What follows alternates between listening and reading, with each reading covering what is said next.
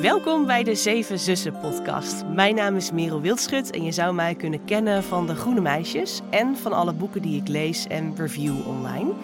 En natuurlijk ben ik ook een groot fan van de Zeven Zussen. Deze podcast maak ik samen met Xander Uitgevers voor iedereen die geen genoeg kan krijgen van de internationale bestsellerserie Zeven Zussen van Lucinda Riley. Voor wie de serie nog niet heeft gelezen, het is een zevendelige serie over geadopteerde zussen die op een zoektocht gaan naar wie ze werkelijk zijn. Toen Xander mij vroeg om een podcast over de reeks te maken, wist ik meteen: dit ga ik absoluut doen. Na het lezen had ik namelijk zelf ook veel zin om met allerlei mensen te praten over de boeken. En dan met name over het grote mysterie dat door de zeven boeken heen loopt. Hoe zit het met de plotselinge dood van de vader van de zussen?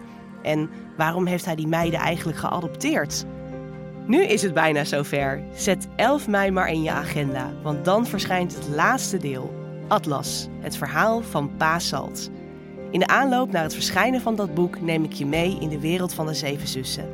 Iedere week kun je luisteren naar een aflevering waarin ik een kenner of een echte fan spreek. Wil je geen enkele aflevering missen?